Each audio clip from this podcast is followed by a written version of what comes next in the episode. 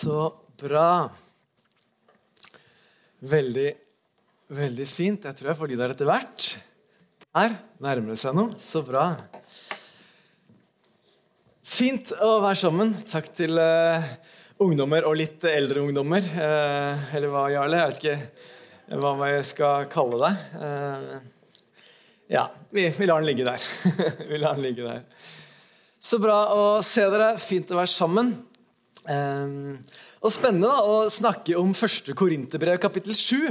Uh, det, er, det er spenstige greier. og Korinterbrevet i seg sjøl er jo ganske spenstig. så uh, når jeg sa til kona mi da, Maria her, at jeg skulle snakke om uh, ekteskapet, da var det som Roger sa Da skal jeg være der og sjekke at dette stemmer, Arild. At du lever det du preker. Nei, det var ikke det. Hun sa faktisk før jeg fortalte hva jeg skulle preke om, at hun skulle være med i dag. Så det er, ja, mm. Jeg er ikke tvingt eller noe som helst sånn, så da, det kommer du til å skjønne etter hvert. Her. Du, La meg bare be litt først. Da. Det hjelper meg alltid. Eh, så tror jeg Det hjelper oss alle å vende blikket oppover. Og tenker jeg til og med da, Om du tenker ekteskapet det, at, altså, det er ikke for meg, det, det liksom, jeg kobler ut, så Uh, tror jeg Gud har noe til deg i dag òg. Om du ikke er gift, ikke tror du kommer til å bli gift, uh, om du er 14 år, så tror jeg du kan ta med deg noe fra i dag. Eller om du er 80 år og vet at nei, det var en gang. Uh, men jeg tror du kan få med deg noe likevel. Så still inn hjertet ditt for hva Gud vil si til deg anyway. takk, Jesus, for at du er her. Ja, Jesus, det trenger vi alltid. At du er til stede, så det ikke bare blir en samling av noen fine greier og gode verdier, men at vi kan løfte blikket vårt på et navn som er større. Et navn som er større enn alle andre navn. Et navn som er større enn sykdom, større enn ensomhet, større enn problemer. Så kan vi nevne ditt navn over, over de tinga, Jesus. Over, eh, over alle situasjoner så kan vi si ditt navn, og så er ditt navn større, ditt navn sterkere. Og Vi takker deg, Jesus, for at du er til stede her i dag for å gi eh, noe av deg sjøl til oss. Takk for hva vi allerede har fått kjenne og oppleve gjennom tilbedelse til deg. Eh, så be at du hjelper oss til å koble inn på ordet ditt, koble inn på deg eh, og søke deg og ditt hjerte hva du vil si til oss denne søndagen. I Jesu navn. Amen. Amen. Så bra. Du eh, det kommer fram da, i Paulus første brev til korinterne at det er nok ikke det første brevet til korinterne. egentlig. For Paulus har skrevet flere brev til korinterne. Vi har bare ikke funnet det. Men Paulus første brev til korinterne er altså det første vi har i Bibelen. i det minste. Og um, Som ulike predikanter helt sikkert har kommet litt innom når dere har liksom prekt oss gjennom Korinterbrevet. Jeg har jo vært her en gang før og snakket om Korinterbrevet så eh, er Korint en by hvor det er enormt stor eh, seksuell løsslippenhet. På et tidspunkt eh, i historien her så hadde byen et tempel til Afrodite. Og i det tempelet så var det 1000 prestinner. Alle disse 1000 prestinnene, deres jobb det var å være prostituerte for byens befolkning. Ganske drøye opplegg. da, Ganske grove saker. Og det er ikke sikkert at eh, disse, disse prestinnene opererte eh, når Paulus eh, skriver til Korint, for det her ca. 130 år tidligere, hvor de, hvor de, vet for fact at et tempel eksisterte med disse 1000 prostituerte. Men allikevel så kommer det fram av hva Paulus skriver, at den innmari løsslippende seksuelle livsstilen det preger hele samfunnet i kjempestor grad. Og så kan noen av dere tenke at det er veldig ubehagelig å snakke om i kirken. Eh, men folkens, la oss snakke litt ærlig om livet, da. Kan vi ikke gjøre det? Eh, og så er det kanskje verst for meg, så må jeg stå og gjøre det. Nei da, det går veldig fint. Jeg er veldig avslappa med det, faktisk. Eh, menigheten i Korint den består stort sett av folk som tidligere har vært hedninger. Folk som ikke har trodd, folk som ikke kommer fra noen, noen som elsker religiøs bakgrunn.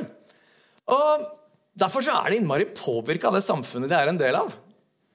Ganske drøyt. Og De har tydeligvis stilt noen spørsmål til Paulus. og Det er der vi, det er der vi hopper inn i første Korinterbrev, kapittel 7. og så skal vi, så Det er 40 vers, og vi skal, kan ikke ta for oss alle de i løpet av en liten halvtime. her. Men jeg har lyst til at vi skal se på noen vers som utgangspunkt for ekteskapet. Og igjen, hvis du ikke er gift, ikke tror du kommer til å bli gift, så, så heng med og len deg inn på hva kanskje Gud vil si noe til deg allikevel. Vi leser sammen fra første Korinterbrev, kapittel 7, fra vers 1. 1 til og med vers 7 skal vi lese nå først. Første Korinterbrev, og der skriver Paulus i Jesu navn. Når det gjelder det dere skrev om, så er det godt for en mann å ikke å røre en kvinne. Men for å unngå hor skal hver mann ha sin kone, og hver kvinne sin ektemann. Mannen skal oppfylle sine forpliktelser overfor kvinnen, og hun overfor ham. Kvinnen rår ikke over sin egen kropp, det gjør mannen. På samme måte rår ikke mannen over sin egen kropp, det gjør kvinnen. Dere skal ikke nekte hverandre samliv hvis dere ikke er blitt enige om det for en tid, for å leve i bønn. Kom så sammen igjen for at ikke Satan skal sette avholden deres på prøve. Dette er ment som en tillatelse, ikke som et påbud. Jeg skulle ønske alle var slik som jeg. Paulus han var singel, men enhver har sin egen nådegave fra Gud. Den ene slik, den andre slik. Skal jeg innrømme at Dette er ikke den letteste teksten jeg har prekt ut fra. Eh, og jeg har eh, Kanskje sjelden jeg har måttet kjempe så mye med en tekst for å en ting er hva jeg, hva jeg opplever og hva jeg mener og tror, men samtidig er det hvordan skal jeg formidle dette på en måte som, det er, som jeg alltid ønsker å gjøre, at skal være Kristus-sentrert. Ønsker å peke deg og meg i retning av Jesus. Um, så ah, det jobba mye med. Så ha litt nåde med meg uh, og være litt raus med meg. Kan hende jeg til og med sier ting som du er litt sånn uenig i. Tenk på det. Det kan hende, altså. Uh, for vi har litt forskjellige briller og forskjellige utgangspunkt i livet. Uh, men jeg skal etter beste evne dele ut fra hva jeg opplever at er essensen av hva Paulus ønsker å formidle til folka i Korint. Han starter dette avsnittet her. Eh, og jeg sier avsnitt for kapitler. Det fantes jo ikke når Paulus skrev det. Det var først på 1000-tallet man begynte å lage kapitler i Bibelen. Han svarer med å prøve å besvare et spørsmål som korinterne har hatt. Han sier her at det er godt for en mann å ikke røre en kvinne. Og da tenker Jeg allerede, jeg liker å stille spørsmål på Bibelen. Jeg tror at det er smart å gjøre noen ganger. Kan han egentlig mene det? Fordi da motsier han jo noe som egentlig står i første Mosebok, kapittel 2, og vers 18. Så Der står det i første Mosebok 2 og vers 18. Da sa Herren til Gud, det er ikke godt for mennesket å være alene. Jeg vil lage en hjelper av samme slag skriver Paulus allikevel til de korinter at det er godt for en mann å ikke røre en kvinne. Men det er jo altså, det er ikke godt for mennesket å være alene. Jeg vil lage en hjelper av samme slag.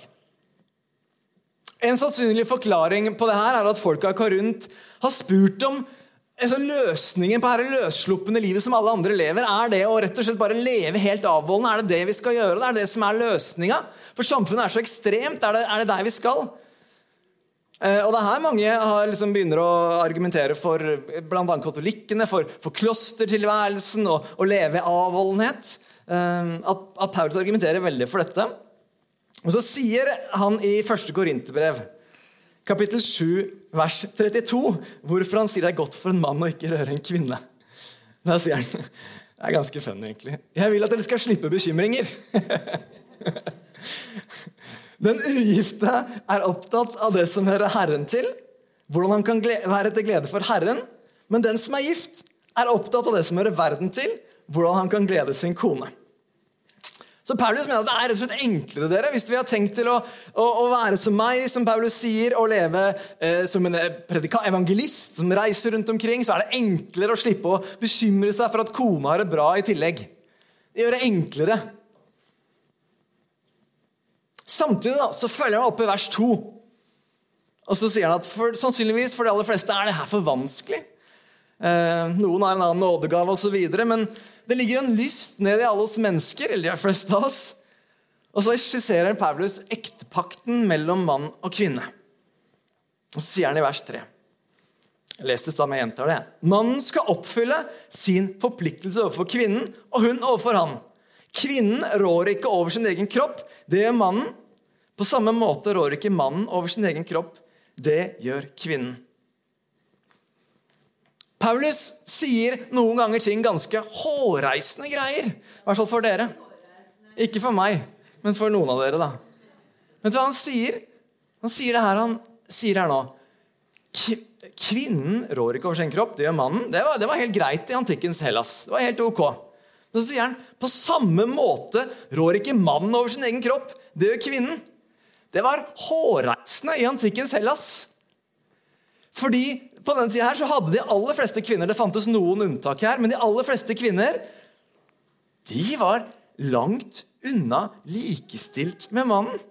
Kvinnen var langt på vei eh, mannens eiendom. Det var til og med helt ok eh, for en mann som var gift, å ha andre elskere. Det var, det var helt ok. Det. det var greit å ha flere damer. Du skulle ikke gifte seg med flere, for det var liksom viktig å være gift med en. Det var greit å ha flere damer som du holdt på litt med rundt omkring. Det var helt ok.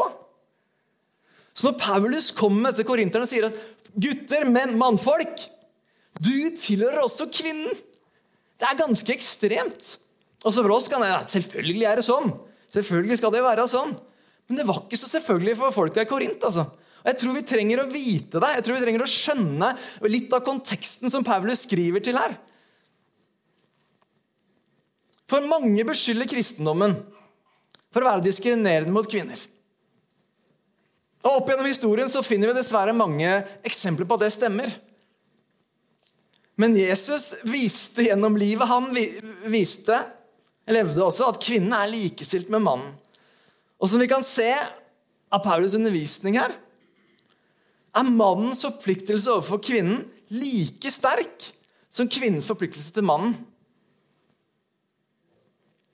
Og Her kanskje kommer hovedpoenget for prekena mi i dag. og Vi kommer til å dukke litt inn i dette sammen, skal plundre litt med dette sammen også. Men jeg tror vi trenger bare å skjønne konteksten. Jeg tror Det viktigste som Paulus mener å si her om ekteskapet Ekteskap er å gi seg sjøl til hverandre. Det er det det er. helt sant. Ekteskap er å gi seg sjøl til hverandre. Og vet du hva? Den setningen jeg sier nå, er også ganske, for mange, hårreisende i 2023.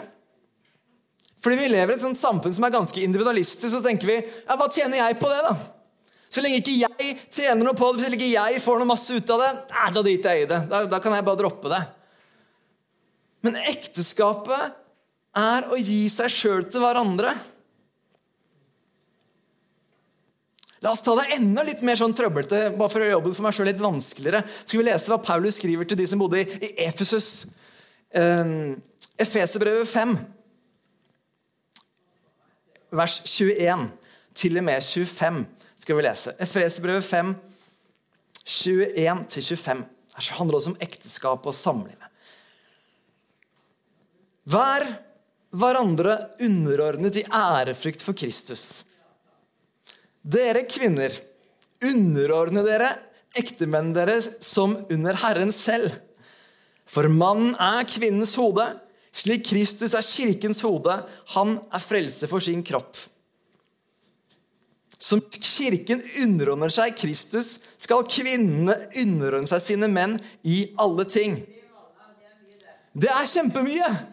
Det er helt sant! Det er kjempemye! Og vet du, de versene her jeg skal lete et vers til. da. Eh, men disse versene her mener jeg er misbrukt så mange ganger opp, gjennom historien. Og Derfor så velger jeg å lese det òg. For det neste vers her, vers 25, så står det Dere menn, elsk deres koner slik Kristus elsket kirken og ga seg sjøl for den. Altså, Helt ærlig så tenker jeg nesten at Gud har gitt meg som mann en tøm for oppgave. Jeg skal elske Maria som Kristus elska kirken og ga seg sjøl for den. Og Så fortsetter Paulus videre å skrive at, at, at, å elske kroppen som elsker sin neste, og elske og gi seg sjøl helt hen. Men disse versene er noe tatt ut av kontekst, og så bruker vi det veldig til å snakke om at mannen er kvinnens hode, og mannen skal styre over kvinnen. Og så blir det usunne forhold. Det er misbrukt. På mange ganger mener jeg at det er misbrukt. Men Paulus sammenligner ekteskapet med evangeliet. Og Det er det jeg synes er litt spennende, som vi skal se litt på sammen her. Paulus sammenligner ekteskapet med evangeliet. Mannen er kvinnens hode, slik Kristus er kirkens hode. Og dere menn skal elske konen deres slik Kristus elsket kirken. Kan hende at vi har forskjellige perspektiver, at vi er ulike som folk. Men jeg går veldig lite rundt og tenker på at jeg skal prøve å være Marias hode. tenker jeg veldig lite på. Vet du hva jeg streber etter? Vet du hva jeg strekker meg etter? Det er å, så Nå er jo hun her, så det er litt skummelt å si det, men jeg strekker meg etter å prøve å elske Maria sånn som Kristus elsker meg. For det er det Jesus har sagt jeg skal gjøre. Det er det Bibelen ber meg om å gjøre. Elsk deres koner slik som Kristus elsker dere. Og strengt tatt altså, vil jeg påstå at uh, om jeg så skulle være hodet, så er ikke det så farlig for Maria. Når hvis hodet klarer å elske så mye. Så ekteskap er å gi seg sjøl til hverandre. Underordne hverandre i ærefrykt for Kristus. Jeg er ikke over henne, hun er ikke over meg, men sammen så kan vi forsøke å leve et liv underordnet og elske hverandre. Fordi vi er elska av Gud, først og fremst.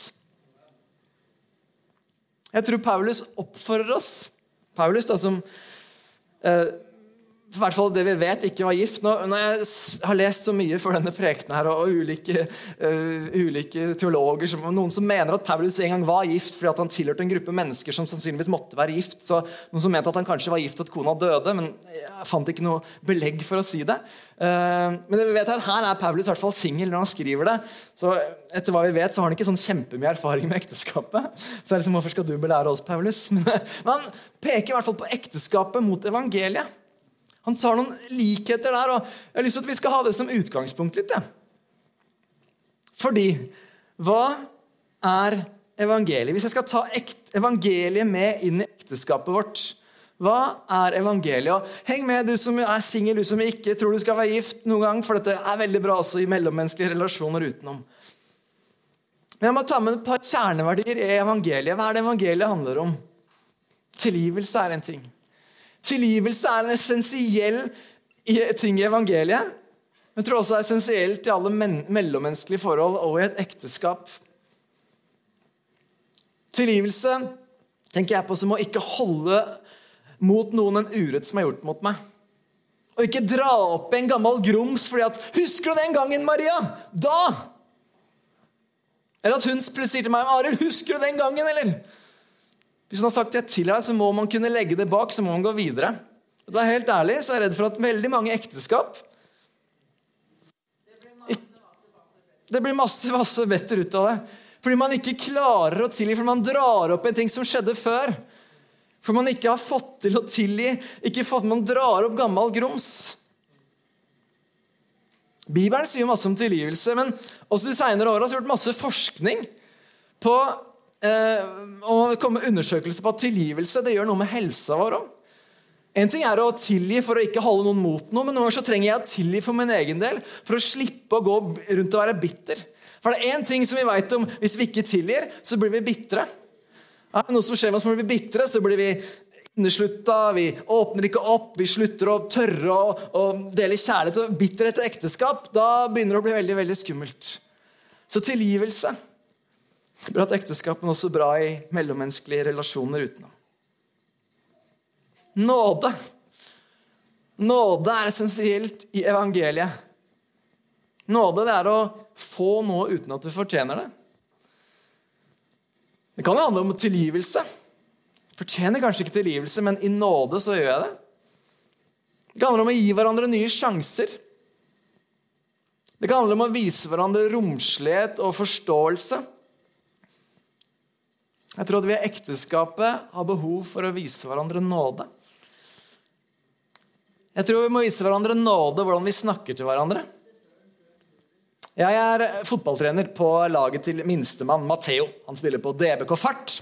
Eh, og Der er jeg fotballtrener. Vi har trening hver fredag klokka 6 til 7. Innmari slitsomt tidspunkt. Det var det vi fikk nå i vinter. Eh, og eh, der jobber vi mye med en ting om dagen.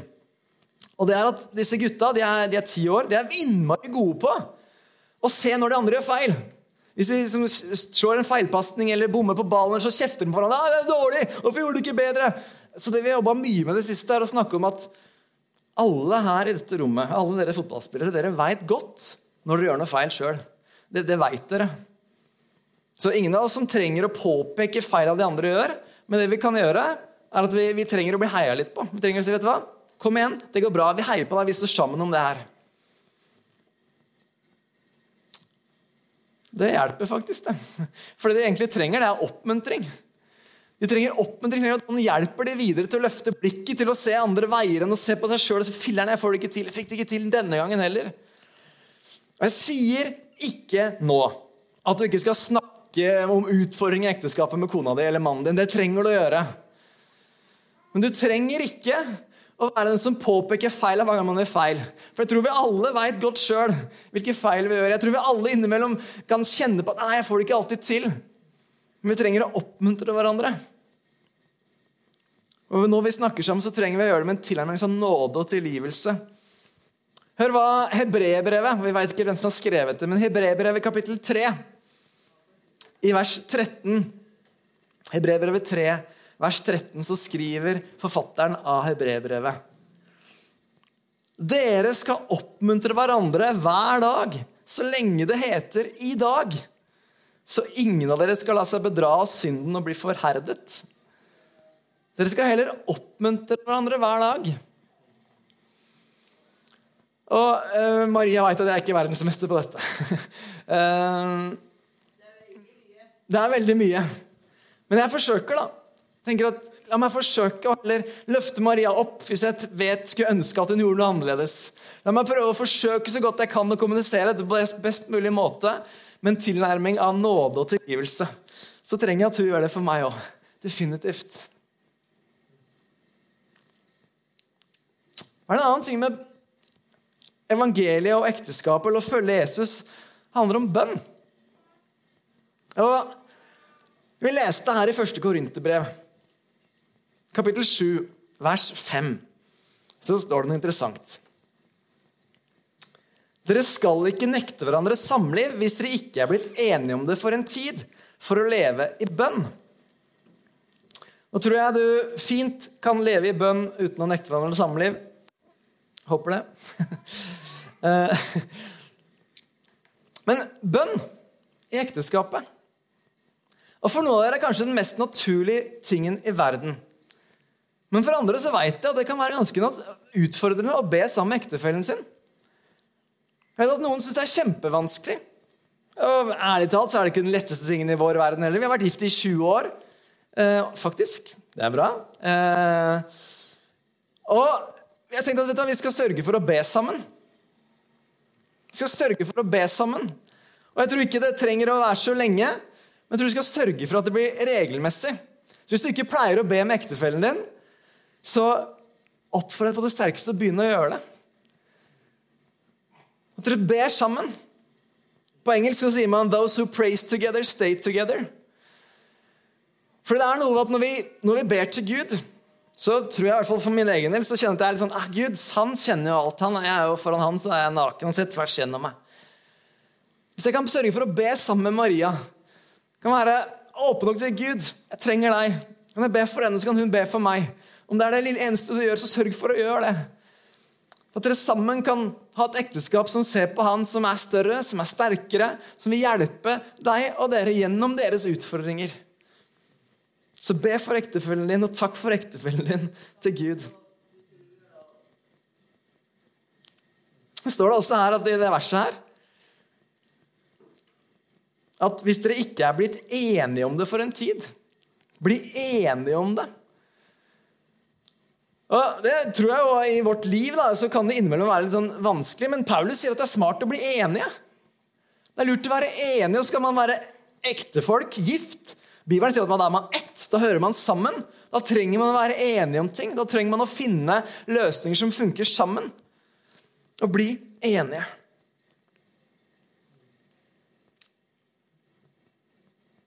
Hvis jeg forteller en historie som jeg leste, og som sto en gang i en avis på en helt, og det er en sann historie, visstnok. På en helt vanlig dag i januar 2007 så var det en ung mann som gikk inn i undergrunnsbanen i Washington DC. Han var en ung fyr, hadde på seg, hadde seg olabukse, en T-skjorte um, og også en sånn baseballcaps. Så stelte han seg opp på toppen av en, en rulletrapp. Eh, og så dro han fram eh, en fiolin. Så la han fiolinkassa foran seg. Putta noen dollar oppi der for at folk skulle se at her gikk det an å gi penger. Så begynte han å spille. Han sto 45 minutter midt i rushtida, og over 1000 mennesker passerte. Folk forta seg forbi den. De var på vei, de var på vei hit og dit. Så var det en liten gutt som stoppa litt og kikka, men mora bare dro den videre. Her skal vi videre. Så var det noen få som la inn en slant oppi den kassa, men mest sannsynligvis var det bare for sånn selvrettferdighet eller forpliktelse, mer enn at de syntes det var flott fiolin, fiolinspill. Men det ingen visste, var at denne unge mannen han, han het Joshua Bell. Og mange av oss vet ikke hvem han er, jeg visste ikke hvem det var fra før, men han var visstnok en av sin tids mest beste klassiske musikere. Det han spilte i undergrunnsbanen der, det var de mest avanserte musikkstykkene som er laget. På en av, på en av de dyreste fiolinene som er laget, visstnok. En Stradivarius. Dette har jeg hørt om før, den Stradivarius, men den har visst en verdi til 3,5 million dollar. 35 millioner dollar. Der sto han og spilte. Noen få dager før så hadde denne samme gutten han hadde hatt en konsert i Boston Symphony Hall, hvor folk betalte opp mot 100 dollar. Dette er jo noen år siden, nå har det sikkert vært 200 dollar. Ehm, for en billett. Folk hadde bare rusha forbi, hadde ikke sett, hadde ikke fått med seg alt det her. Det at han skulle spille en undergrunnsbane her, det var et eksperiment som Washington Post hadde utført. Og I slutten av denne artikkelen så, så skriver eh, Washington Post Klarer vi å gjenkjenne skjønnheten når vi finner det på uventede steder?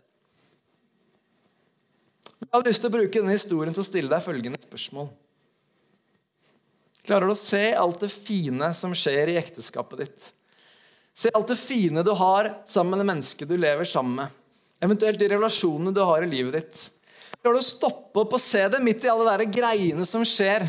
Midt i all det strevet etter ting som skal gjøres, bønnelister du skal stå på, møter du skal være på, fotballkamper. Klarer du å se alt det fine som du har i det livet du lever? Eller ser du det fine i det du har rundt deg, dere som ikke er i et ekteskap? Det kan hende du trenger å gjenoppdage det. Kanskje du trenger å se på nytt hva du har. Se etter det vakre som fins i det ekteskapet du er en del av. Hvis du syns at ting går litt trått i ekteskapet Dette er litt vanskelig utfra. Dette er en vanskelig tekst å snakke om. Jeg, jeg har jo vært gift i 20 år, men i løpet av bare de siste fem-seks åra har jeg hatt Tre gode kompiser som har vært gjennom skilsmisser og vanskelige greier. som er utfordrende å, å se utenfra. Det er utfordrende for den som går gjennom det. Derfor er dette også vanskelig å snakke om. Fordi livet treffer oss alle noen ganger. Men jeg er overbevist om at når, når, Gud snakker om det her, snakker om ekteskapet som den beste måten å leve livet sitt på, så er det ut fra, at, ut fra at han mener at dette er den beste måten å leve på. Sammen med en person hvor du underordner hverandre, hvor du gir deg til den andre. Hvis du har litt utfordring i ekteskapet ditt, som vi alle kan ha innimellom, så tror jeg ikke det er noe quick fix. Jeg tror ikke det er en sånn 1, 2, 3, bli happy. Men la, meg, la oss bare sjekke et, et, råd fra Bibelen. Som i utgangspunktet ikke handler om ekteskapet, men kan også handle om noe annet. og det skal jeg komme tilbake til. Men i åpenbaringsboka, Johannes' åpenbaring, kapittel 2 mm. Johannes' åpenbaring, kapittel 2 vers 4, så skriver Johannes til disse. Men dette har jeg imot deg.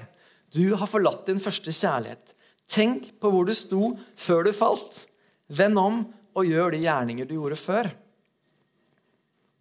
Her handler det egentlig om å vende seg om igjen til Guds kjærlighet og se hans kjærlighet til seg og begynne å gjøre de første tingene man, man, man gjorde når man først oppdaga Guds kjærlighet til deg. Jeg har lyst til å utfordre deg til å ta med det her også inn i ekteskapet ditt. Tenk på hvor du sto før du falt, eller før det begynte å bli vanskeligere, før du begynte å bare se alle feilene med ektefellen din. Vend om og gjør de gjerninger du gjorde før. Du hva, jeg helt ærlig oppriktig. Når, når jeg og Maria var nyforelska i 2000 eh, eh, så var det easy-peasy for meg å gå 2,5 eh, km oppoverbakke til Råderstien i Horten, hvor Maria bodde på toppen der, for å se henne en halvtime og gå ned igjen. Altså, Det var varmt, men jeg skulle i hvert fall få se den en halvtime. Det var easy. For det var en nyforelskhet inni her som det gjorde det veldig lett. Nå klarer jeg å vente en halvtime. Nei, jeg bare tuller med dere litt, da. Eller jeg klarer jo det, men ja. Men vet du hva? Noen ganger så tror jeg at vi som har vært gift en stund, lett kan bli sånn tralt. Og, ai, ai, ai. Humper går. da, dapp, dapp, dapp. Jeg tror vi skal gjøre stadig vekk her. Gjør de første gjerninger. Gjør de tinga på nytt. Når var sist du tok med kona di på en date? Eller mannen din på en date? Når var sist du gjorde noe bare dere to sammen, som var noe spesielt, som var noe annerledes? Er det noen ting som jeg ærlig, mener oppriktig at vi og Maria har vært ganske gode på? Så er det å sørge for også å være kjærester midt i en periode som har vært hektisk med små barn. Så vi prøvd å være kjærester, prøvd å, sørge for at det er oss to som skal se hverandre. Vi skal ha det gøy sammen, vi skal gjøre moro greier sammen, som vi også gjorde i starten. Det er lange perioder vi ikke har fått det til, og det har vært for hektisk å gjøre det. Vi har prøvd å sørge for å gjøre de første gjerninger. Sørge for å gjøre ting som gjør det gøy å leve sammen. Som gjør at vi har det fint sammen. Og så får vi justert inn, så vet du hva, Gud, vi trenger jo å be sammen. Vi trenger å gjøre det i hvert fall hver kveld. også. Hopper over en kveld, og så har jeg lært en som heter Craig Fell, at if you're missing one night, don't miss two. Hvis du hopper over en kveld, så ikke hopp over en til. Så har vi gjort det noen ganger og glemt det noen dager og noen uker til og med. Og så, nei, Vi må jo sørge for å be sammen. Vi må be sammen, vi trenger å be sammen. For Et godt ekteskap det kommer ikke av seg sjøl. Like lite som god mat lages av seg sjøl. Like lite som at gresset klipper seg sjøl, så kommer ikke det av seg sjøl. Gode mellommenneskelige relasjoner trenger å pleies. Så tror jeg at du og jeg som har en Gud midt inne i bildet, så tror jeg at vi har en tredje tråd som vi kunne lest om i Gamle testamentet. At en trippeltvunnet tråd ikke, brytes ikke så lett. At hvis du sammen med mann og kone og Gud, så, så holder det mye sterkere sammen. Hvis du kan sørge for å løfte opp Jesus også i ekteskapet ditt. Selv om det kan være kleint, selv om du syns det kan være litt vanskelig noen ganger. Så du kan sørge for å gjøre det. Og sørge for også å ha det gøy sammen. Og gjør de første gjerninger, så tror jeg ekteskapet står sterkere. Så tror jeg du kan stå sterkere. Du som kjenner på det at ah, jeg skal jo være singel, sånn som Paulus. Hei av deg. Gud velsigne deg. Da har du fått en nådegave, ikke jeg slik. Um, så tror jeg det finnes masse vi kunne ta tak i i 1. Korinter kapittel 7, men det var ekteskapet først jeg skulle snakke om i dag. Hvis vi skal avslutte med at vi reiser oss på føttene våre, og så skal vi be sammen. Be sammen for livet vårt. Be sammen at vi kan være folk som er prega av tilgivelse, av nåde. Og så av bønn i relasjonene vi har. At vi kan sørge for at vi faktisk underordner hverandre i ærefrykt for Kristus. At det livet som vi lever, det lever vi egentlig for å gi ære til Gud. Og så er vi alle mennesker, vi gjør dumme ting, men at vi kan vise nåde også til hverandre i de relasjonene vi står i. Og Ungdommene skal lede oss litt mer i lovsang. og Hvis etterpå noen tenker at jeg kunne godt tenkt meg noen ba for meg i dag Det er ikke sikkert at det, handler om at ja, jeg trenger hjelp i ekteskapet mitt, men kanskje du allikevel bare kjenner at noen ønsker at noen ber for deg, så er du velkommen til å gjøre det, eller snakke med noen som du er trygg på. Eh, så, så oppfordrer til at Hvis det med ekteskap er utfordrende og er i vanskelige tider, så snakk med folk. altså. Søk hjelp hos noen tidlig eh, som kan hjelpe deg å snakke gjennom ting. Det tror jeg er smart å gjøre. Ikke, ikke vi kristne tror at liksom, ja, vi får til alt alltid. For det har jeg nok av venner som har eksempel på at det ikke gikk. Ikke sant? Så det er like alltid Gud er en Gud av nåde og nye sjanser. Uh, så tror jeg han er her.